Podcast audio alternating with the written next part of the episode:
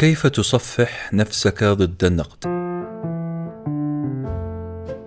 طالما انك كائن حي تتنفس وتتحرك فأنت ستتعرض للنقد سواء كنت معلم هامور في وسائل التواصل مشارك نشط في هاشتاجات تويتر طالما إنك فتحت فمك أنت قاعد تدعو الناس لانتقادك.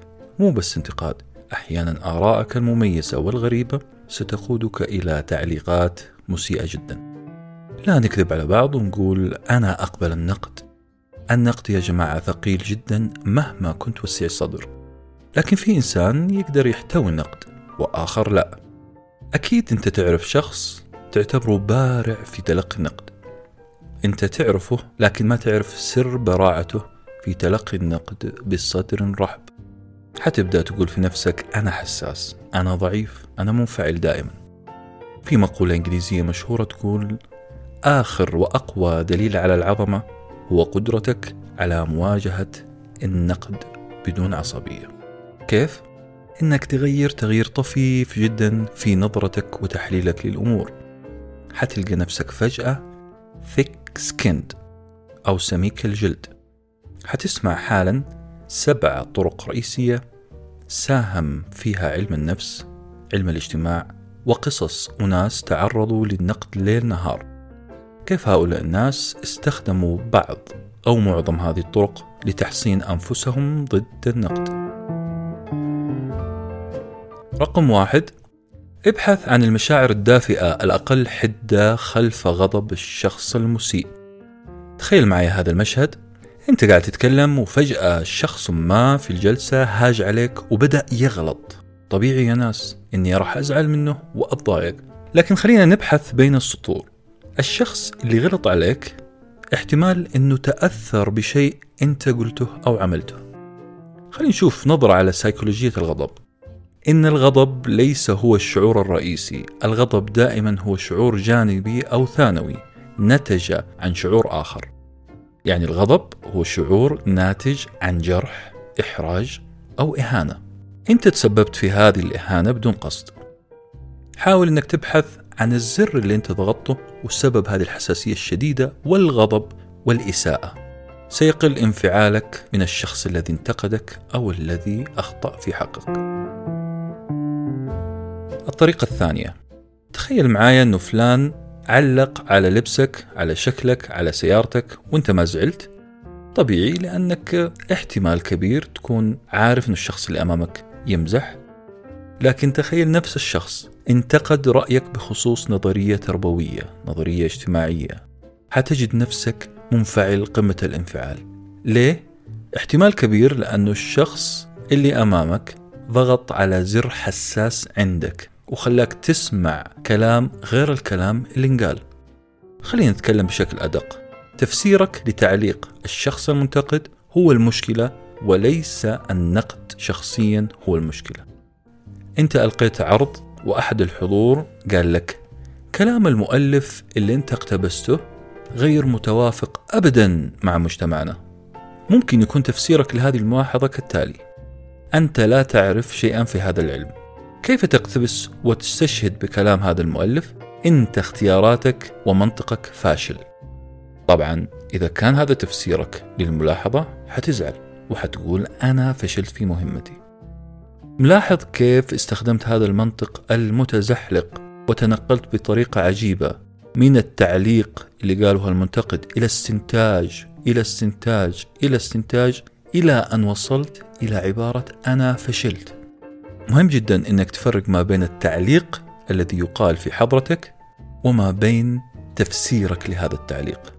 لذلك لازم تسأل نفسك هل التعليق الذي قيل لي فعلا يمسني شخصيا بشكل واضح ولا أنا أتخيل ذلك؟ الطريقة الثالثة اقتلهم بنبلك لا بنبالك. لما نقول نبل لا يعني ذلك دفاعك عن نفسك، بل الخلق الطيب والرفيع في التعامل. يا جماعة لا يوجد إنسان شرير مية في المية أو بالأصح لا يوجد شيطان على شكل بشر. لذلك النبل في التعامل حتما سيهدئ من ثورة وغضب الشخص المسيء لك. تعامل مع الإساءة أو النقد بروح شخص واثق وكبير في السن والمقام.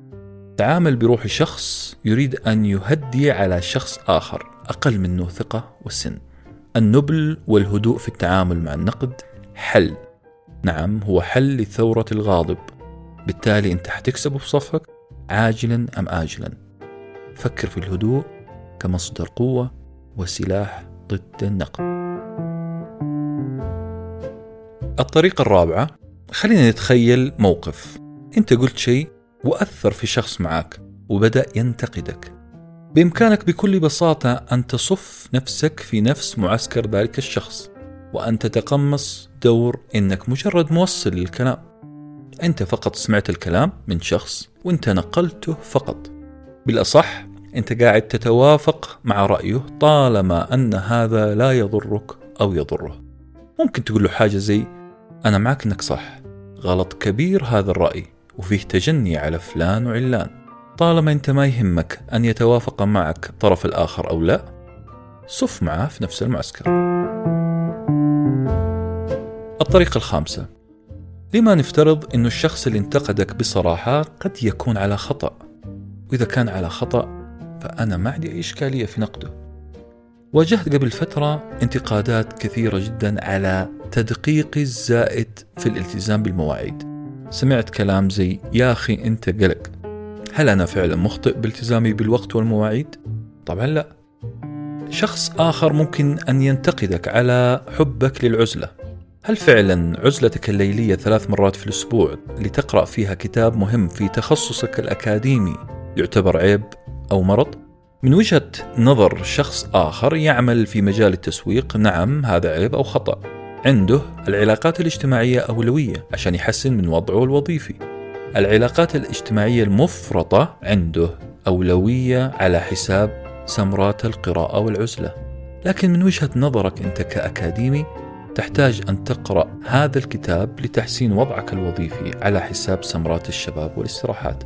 وما دمت لست على خطأ فلا يهمك الانتقاد أبدا.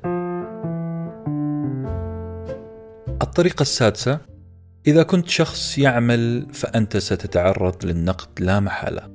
المشكلة لو كنت إنسان متربي تربية جيدة وخلينا نكون صريحين لو كنت إنسان مصفح ومحمي بواسطة والديك الذين يحبونك بواسطة أصدقائك الذين يحترمونك. عادة أنت لم تتعود على الهجوم والنقد ولم تتعود على التجريح. لذلك حساسيتك تجاه النقد حتكون أكبر. كل ما عليك هو أن تتأكد من حقيقة. الهروب من النقد بمحاولة إثارة إعجاب الجميع عملية متعبة ومنهكة جدا. النقد مؤشر أنك تتحرك وبتتحرك بطريقة مختلفة عن ما يراه الآخرين. فتقبل حقيقة أنك تتحرك. الطريقة السابعة والأخيرة لازم تحط في اعتبارك المكان والزمان اللي جاك فيها الانتقاد بشكل أوضح.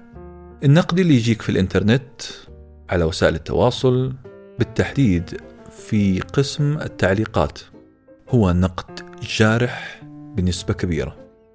لو عندك قناة يوتيوب وعملت فيديو لنفسك بتتكلم كلام علمي توقع أنه حيجيك كمية انتقادات وتجريح لا بأس بها. هذه الانتقادات كفيلة بأنها تفسد يومك شهرك أو سنتك. حط في بالك أنه قسم التعليقات في وسائل التواصل الاجتماعية هو أعزكم الله بمثابة جدار دورة مياه. كل من هب ودب يكتب تحت اسم مستعار. حيكتب كلمتين قدره ويمشي السبب أنه المعلقين عادة بيخفوا هويتهم. بسألكم سؤال والمعذرة الشديدة على هذا المثال الغير لائق. أنت في دورة مياه عامة وقرأت سب وشتم غير لائق مقذع على جدار الحمام. هل حتزعل؟ طبعا لا. حتقول إنه الكاتب مجهول. والكتابة تمثل الكاتب المجهول تمثل ثقافته وتربيته وصحته النفسية. اعتبر التعليقات المسيئة في وسائل التواصل أنها لا تمسك ولا تعنيك بأي شكل من الأشكال.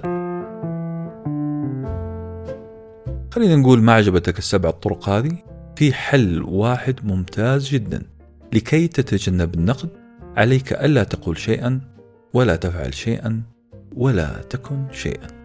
كل عام وأنتم بخير.